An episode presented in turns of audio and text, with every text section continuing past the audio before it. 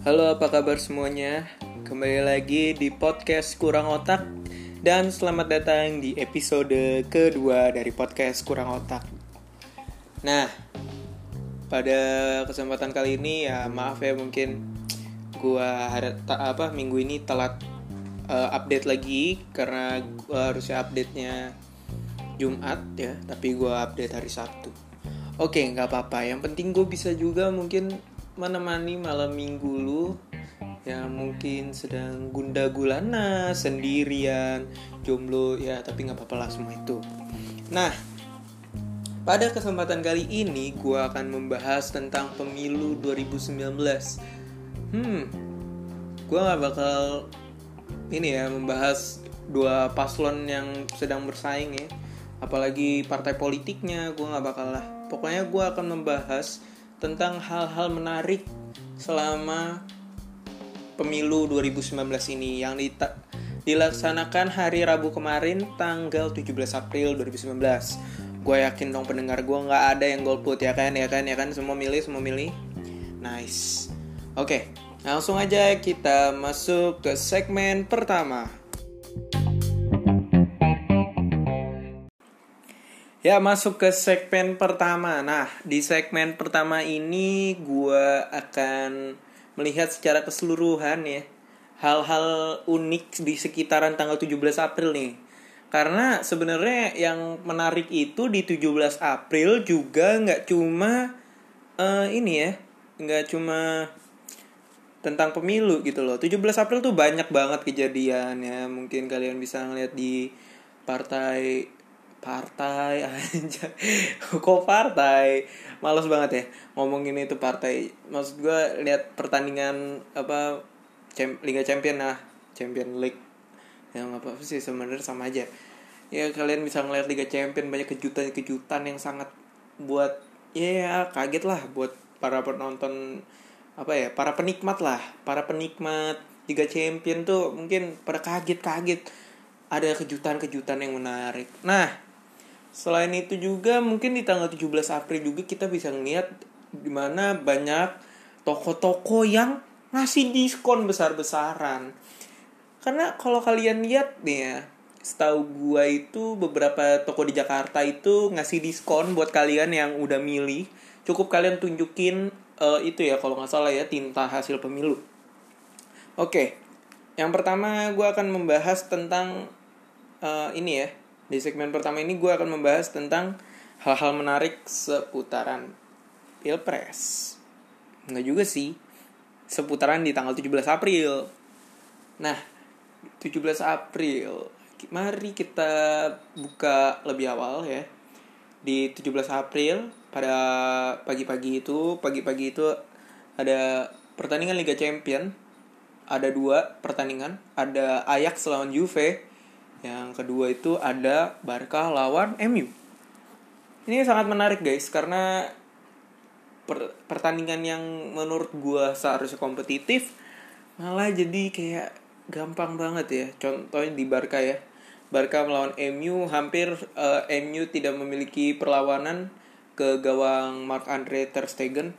Nggak tahu juga sih, mungkin moodnya lagi pada ngedown kali ya pemain MU karena gue lihat juga pemain MU nggak terlalu banyak ngepush mereka lebih bertahan bertahan bertahan. Lalu ada juga Ajax melawan Juve. Nah ini menarik sekali karena Juve harus gugur di tangan Anjay di tangan. Di lawan dilawan aduh. Ketika melawan Ajax Amsterdam ya.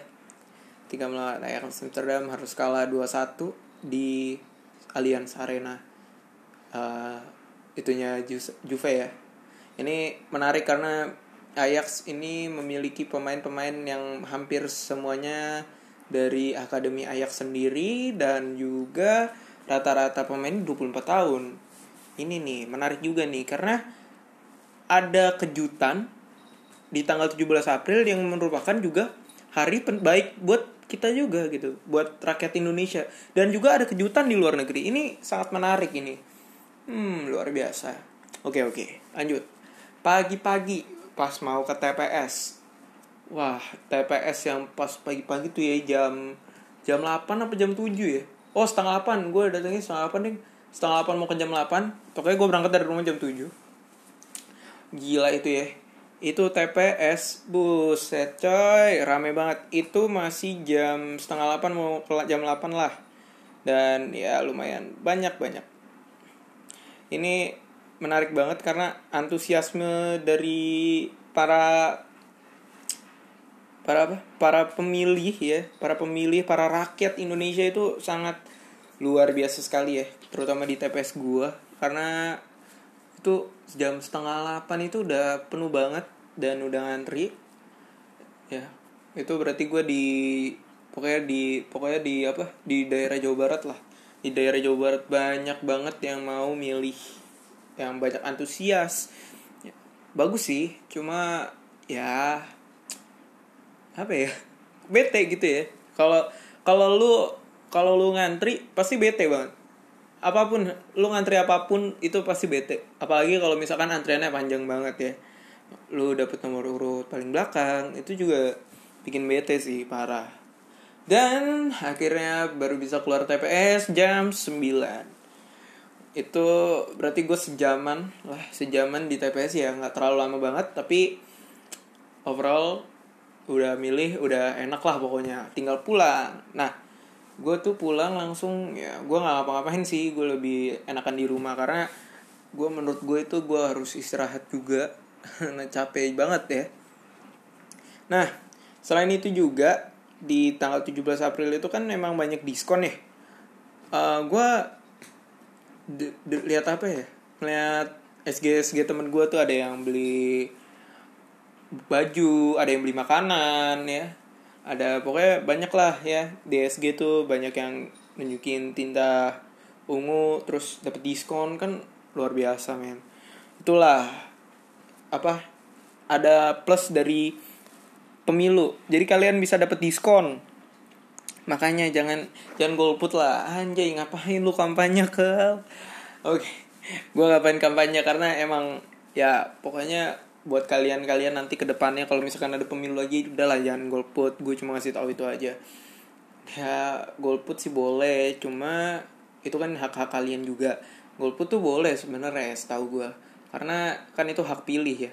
Kalau lu nggak memilih juga apa apa tapi yang jadi masalah adalah bagaimana nanti masa depan bangsa kita ke depannya. Anjay ngomongnya udah dalam banget dah. Oke oke. Itu. Pokoknya itulah cerita singkat dari gue ya. Itu emang jadi di TPS tempat pemilihan itu pemungutan suara itu di daerah gue itu rame banget dan antusiasnya sangat baik banget dari masyarakat. Hampir uh, beritanya tuh hampir nggak ada yang golput lah ya. Itu sebuah pencapaian yang luar biasa di TPS gue karena waktu pilkada Jabar itu sempet uh, golputnya mencapai uh, berapa orang ya? Uh, 25 lah, 23 23 itu lumayan banyak. Itu di TPS gue. Cuma sekarang udah enggak lah, udah banyak yang mau antusias. Cuma ada tiga orang, itu juga mereka karena pindah ini ya, pindah pindah region apa sih? Region tuh oh domisili domisili. Nah pindah domisili. Oke nah lanjut lagi ya lanjut lagi. Di terus inget gua pagi-pagi itu juga gua ngeliat foto Nikola Saputra. Men siapa yang nggak tahu Nikola Saputra ya? Nikola Saputra aktor. Aktor yang jadi Rangga. Gila. Men ini viral banget karena ini menjadi bahan perbincangan selama pemilu nih. Karena foto Nikola Saputra lagi ini lagi foto sama jari jari kelingking yang udah dicelupin terus foto dengan cogannya anjay kecoganannya ya kan parah dah. Pokoknya kecoganannya parah deh. Nikola Saputra ini menjadi bahan perbincangan masyarakat netizen terutama. Karena ya Nikola Saputra emang buat kaum kaum kawa emang ini maco banget lah. Ya yang kaum madam juga pengen lah jadi Nikola Saputra Oke, selanjutnya itu ada beberapa TPS di Indonesia itu memiliki um, penyelenggara yang unik-unik gitu loh. Panitianya tuh unik-unik. Ada yang pakai kostum superhero, ada yang pakai ondel-ondel, ada yang falak segala macem. Ini luar biasa sekali. Berarti ini juga ini juga menjadi suatu uh, tembusan lagi terobosan yang sangat baik ya untuk menarik perhatian masyarakat di sekitarnya. Ini luar biasa sekali men. Oke ini segmen pertama kayaknya ini dulu lah ya. Gue membahas tentang hal-hal unik di sekitar gue juga dan yang gue lihat. Nah di segmen kedua nanti gue akan membahas tentang keresahan gue keresahan mengapa di apa ya mengapa ada sesuatu hal yang harus terjadi pada saat itu? Kenapa nggak bisa nggak gitu ya? Gue akan membahas keresahan gue di segmen kedua. Langsung aja masuk ke segmen kedua. Masuk ke segmen kedua. Alright. Oke. Okay. segmen kedua ini gue akan ya mungkin agak-agak lebih lebih dalam lah ya. Lebih serius dikit. Nggak ada nggak ada bercanda-bercanda lagi lah. Nggak sih tetap ya Oke, okay, di segmen kedua ini gue uh, mau menanggapi beberapa keresahan gue yang terjadi ya, terutama di sekitaran gue, di sekitaran gue, di sosial media gue, di mana pun itu. Oke, okay, yang pertama adalah ini nih. Nih gue jujur aja ya, gue nggak ngerti nggak kenapa kalian kalian mungkin punya lah ya melihat gitu. Yang jadi permasalahan gue adalah kalau misalkan lihat uh, eh, SG anak SMP gitu loh. Anak SMP SG terus bilang apa pakai tinta gitu ungu. Uh, terus udah nyoblos nih udah milih nih duh. Dalam hati gue what the fuck? Oke okay lah, mungkin kalian mungkin kalian ada yang beberapa yang nggak sepemikiran sama gue nggak sependapat gitu loh. Kayak ya udah sih biarin aja. Namanya juga mereka anak-anak pengen nyoba pengen nyoblos pengen berarti kan mereka antusias. Oke okay lah. Itu pendapat kalian. Tapi kalau pendapat gue beda. Karena ya gue agak gimana gitu ya kalau ngeliat kayak what the fuck? Kok bisa? gitu ya. Itu menurut gue sih. Cuma balik lagi sih. Itu terserah orang. Jadi terserah mereka juga sih. Mereka mau nyoblos mereka mau milih mau celupin tinta di kelingking di jari manis jari tengah segala macam itu terserah mereka. Cuma ya gue agak aneh aja sih agak cringe gitu ya agak gimana gitu ya agak cringe gitu kalau ngeliat ada anak SMP tuh langsung merinding gitu entah kenapa. Ngeliat anak SMP terus pakai tinta ungu terus ada fotonya di Facebook gitu ya ya kalau mungkin dulu gue pernah sih kayak gitu tapi ya zaman dulu mana ada SG gitu ya mana ada apa foto. Dulu kan HP juga ya cuma bisa buat nelpon SMS itu aja udah syukur gitu loh. Ya kalau zaman sekarang ya kan zaman zaman hits zaman zaman sosial media ya 4.0 ya wajar lah. Oke okay, itu nggak apa-apa lah. Mungkin kita ambil kesimpulan yang tadi itu nggak apa-apa. Fine fine aja. Yang kedua itu gue sempet ngeliat uh, di daerah mana tuh ya? Kayak gue lagi jalan tuh macet banget dan ini menurut gue agak keterlaluan sih karena uh, eh, TPS ini berada di hampir di tengah jalan gitu loh. Jadi waktu itu gue lewat daerah mana lupa gue pokoknya daerah situ lah pokoknya. Nah itu sangat mengganggu sekali lah ya. Karena mungkin kalian juga akan berpikir hal yang sama sebagai pengguna jalan. Karena itu sudah menutup jalan gitu loh. Udah bener-bener setengah lah jadi bikin macet. Tolonglah ya uh, panitia penyelenggara lain kali. Kalau mau buat TPS jangan di deket jalan lah ya cari gitu rumah warga gitu ya rumah warga di dalam gitu loh yang bisa diakses tapi nggak ganggu uh, jalanan umum gitu ya. Masyarakat umum kan juga butuh jalanan nggak mungkin dong nggak ya kan? Kalian juga pasti mikir hal yang sama. Itu sih. Ya mungkin bisa lah dimaklumin karena keterbatasan waktu juga. Udah capek. Pokoknya ya gue salut lah.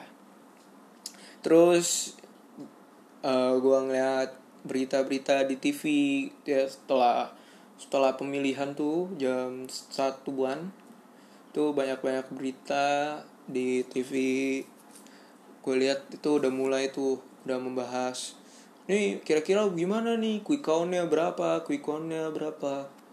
Ya nanti gitu loh. Sabar. Karena quick count juga tidak menentukan siapa yang menang yang bakal tahu menang atau kalah kan nanti di real count.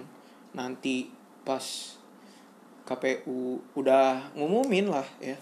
Nanti masih Mei kalau nggak salah ya gue lihat. Terus gue juga ngeliat berita di daerah-daerah gitu ya. Uh, ada kepala KPPS-nya meninggal. Karena mungkin ya namanya umur juga nggak ada yang tahu lah ya tapi itu sih emang berat. Menjadi panitia tuh berat karena mereka harus menghitung harus teliti harus netral. Mereka nggak boleh memihak dan tanggung jawabnya sangat besar. Pokoknya gue respect banget buat panitia penyelenggara pemungutan suara di setiap TPS ya. Uh, dan juga turut berduka cita kepada kepala KPPS yang beberapa di daerah itu meninggal Semoga arwah dan amal ibadahnya diterima oleh Tuhan Yang Maha Esa. Karena emang men, kita harus tetap uh, apa ya, respect sama mereka yang udah nyelenggarain karena mereka juga yang akan menghitung suara kita yang sudah kita pilih, yang kita sudah masukkan ke dalam kotak suara, mereka harus rekap semuanya, mereka harus pertanggungjawabkan ke ke mana tuh? ke KPU pusat, ke KPUD, KPUD dulu sih. Ke KPUD nanti KPUD juga menyerahkan ke KPU pusat ya. Dan itu tanggung jawabnya besar men. Karena nggak bisa sembarangan uh, orang bisa mungkin bisa jadi panitia. Mungkin orangnya sudah diseleksi dulu. Tapi gue juga nggak tahu sih gimana. Mungkin di ada yang dari kalian yang jadi panitia ya seperti itulah. Jadi kalau kalian yang melihat uh, kegaduhan politik yang ada sekarang ini ya gue sih mm, hampir males lah ya bahas karena buat apa kita bahas juga nggak akan ada pengaruhnya sama gue juga gitu loh. Kalau misalkan kayak ada pemilih paslon satu ribut sama pas, pemilih paslon dua ya begitu juga sebaliknya paslon dua dengan paslon satu. Ayolah guys ini bukan masalah paslon satu paslon dua siapa yang lebih jago siapa yang lebih benar ini nggak ada. Sebenarnya semuanya sama aja. Mereka berdua itu sama-sama mempunyai tujuan yang baik untuk Indonesia gitu loh. Dan menurut gue ini sebenarnya nggak nggak penting-penting amat lah kalau kalian ributin. Toh juga nanti biar hukum yang maksudnya bukan hukum juga sih. Maksudnya KPU juga kok nanti yang akan mengumumkan hasilnya dan itulah pemenangnya.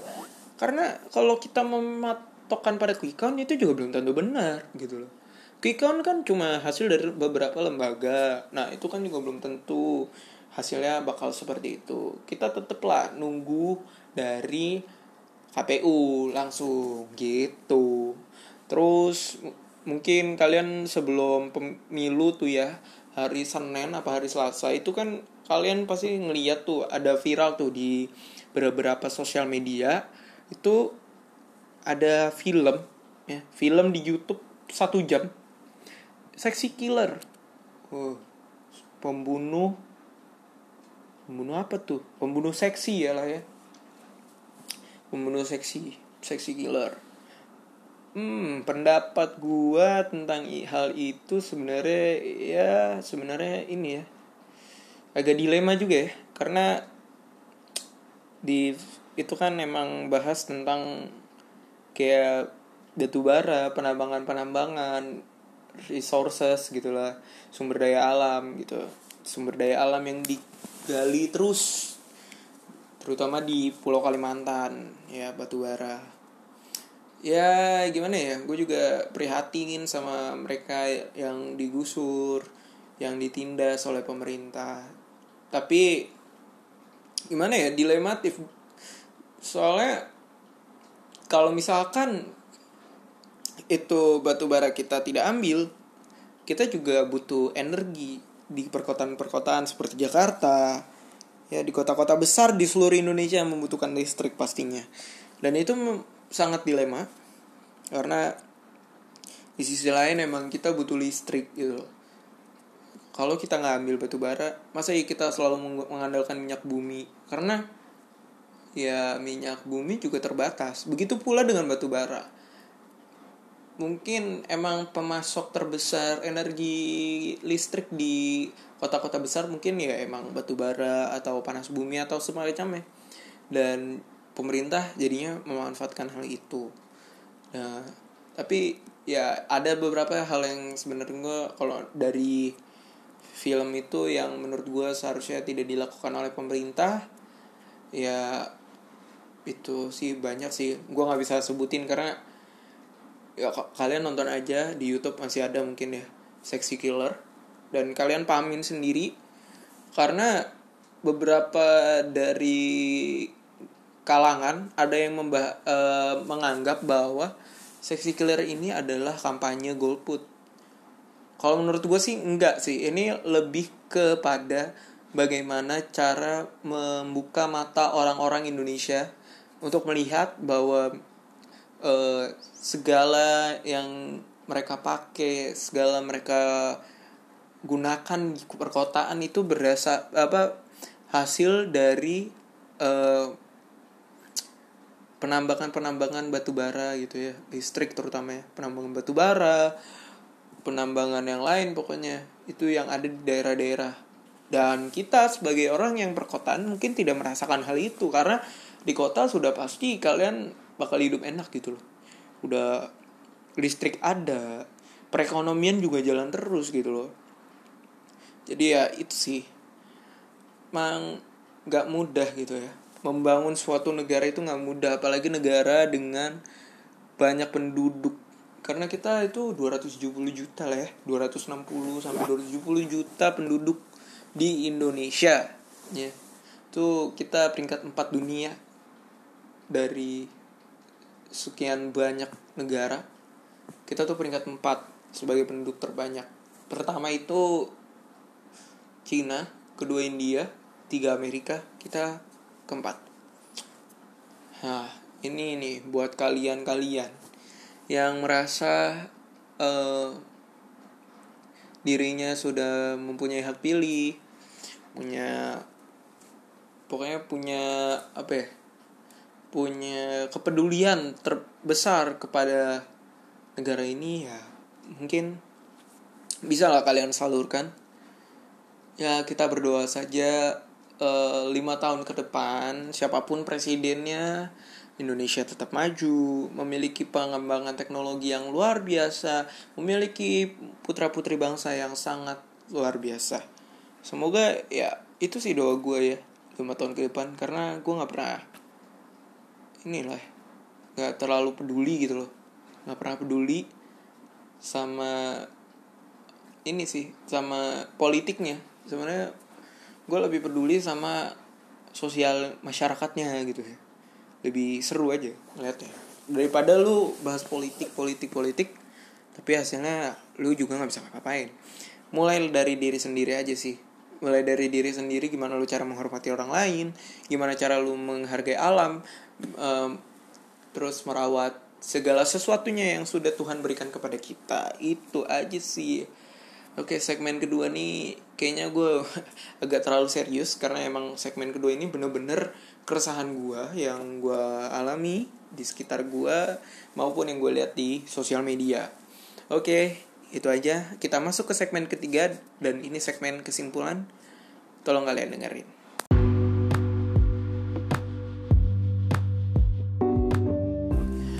Masuk ke segmen 3 halo.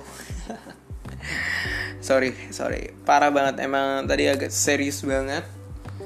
Oke segmen ketiga ini ah relax relax relax.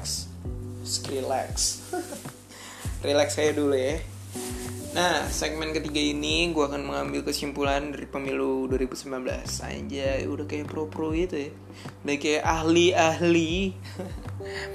Oke, di pemilu 2019 ini gue melihat ada beberapa antusiasme warga Indonesia untuk memilih pemimpinnya yang baru Baik dari legislatif, eksekutif ya. Ini luar biasa. Berarti ini suatu kemajuan buat negara kita. Terus, ya gue juga melihat di pemilu 2019 ini uh, ketegangan politik ini sangat tinggi, lebih tinggi daripada pemilu-pemilu tahun sebelumnya. Ya gue sih nggak mau bahas lah ya. Pokoknya intinya emang tinggi banget ketegangan tahun ini, nggak kayak tahun lalu. Luar biasa sekali juga euforianya di masyarakat.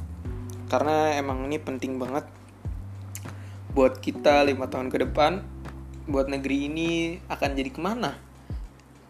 Akan mau dibawa ke mana oleh pemimpin kita? Ini luar biasa.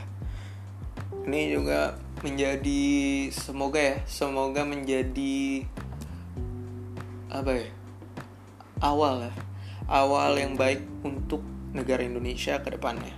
Agar tidak ada lagi golput lagi gitu lah ya. tidak ada lagi ketegangan politik gitu lah udah cukup lah ya ketegangan politik tuh cuma beberapa saat lah jangan terus-terusan. Masa mau terus-terusan ya tegang politik? Tegang mulu kapan lemesnya lah ya? Lemes. Capek loh. Apa pun yang tegang itu capek guys. Kalian lagi ngerjain ujian gitu ya tegang. Uh capek. Percaya. Tuh kayak lu baru ngerjain beberapa soal lu pasti capek. Itu. Banyak lah ya. Terus di pemilu 2019 ini gue melihat banyak juga pemilih pemula ya tingkat rasionya tuh udah hampir berapa ya? 15% lah ya menurut gue itu yang gue lihat di sekitaran gue ya. Karena ini baik juga sih ada peningkatan gitu ya pemilih. Terus diregenerasi dan para pem muda-pemudi Indonesia juga peduli terhadap hak suaranya, mereka menggunakan hak suaranya dan ini sangat apa ya? sangat patut di untuk dihargai karena ini keren banget.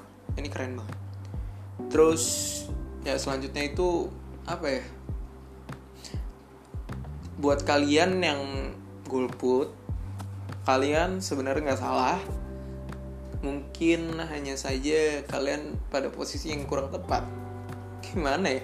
Susah juga. Sebenarnya kalau lu golput juga nggak salah karena itu hak pilih. Jadi balik lagi itu terserah kalian mau menggunakan atau tidak. Tapi beda lagi sama kalau nggak milih ya. Sebenarnya golput tuh apa sih ya? Gue juga bingung karena ada beberapa yang bilang kalau misalkan lu nggak datang ke TPS dan lu nggak milih itu namanya bukan golput tapi tidak memilih Sedangkan golput adalah orang yang datang ke TPS tapi dia nggak milih. Bingung juga gue. Pokoknya menurut kalian golput itu apa lah? Gue nggak tahu. Pokoknya intinya itu. Ya mungkin ini aja. Meng episode ini kayaknya terlalu serius banget ya. Kalau udah ngomongin pemilu, udah ngomongin apa, politik segala macam, emang dah serius banget. Soalnya kalau kita jadiin bercandaan dikit, itu juga bahaya juga ya. Tapi ya kembali lagi ke diri kita masing-masing. Nganggep nganggep apa omongan yang gue bahas ini suatu hal yang serius atau tidak itu terserah kalian. Tapi yang jelas uh, semoga lima tahun ke depan siapa pun presidennya siapa pun memimpinnya membawa Indonesia ke tahap yang lebih maju ke tahap negara yang kuat baik dari segi militer, ideologi, politik, keamanan segala macam ya, segala aspek yang Indonesia punya biar jadi negara yang disegani oleh negara-negara di luar. Oke, terima kasih semuanya yang sudah mau mendengar podcast ini. Jangan lupa kalian share ke teman-teman mereka mungkin uh, kok mereka sih ke teman-teman kalian mungkin ini podcast bermanfaat ya apalagi di episode ini kalau ada yang setuju sama pendapat gua ya kalian bisa mungkin uh, DM gua di Instagram. Ada Instagram gua kalian lihat aja di bio-nya. Ya itu aja.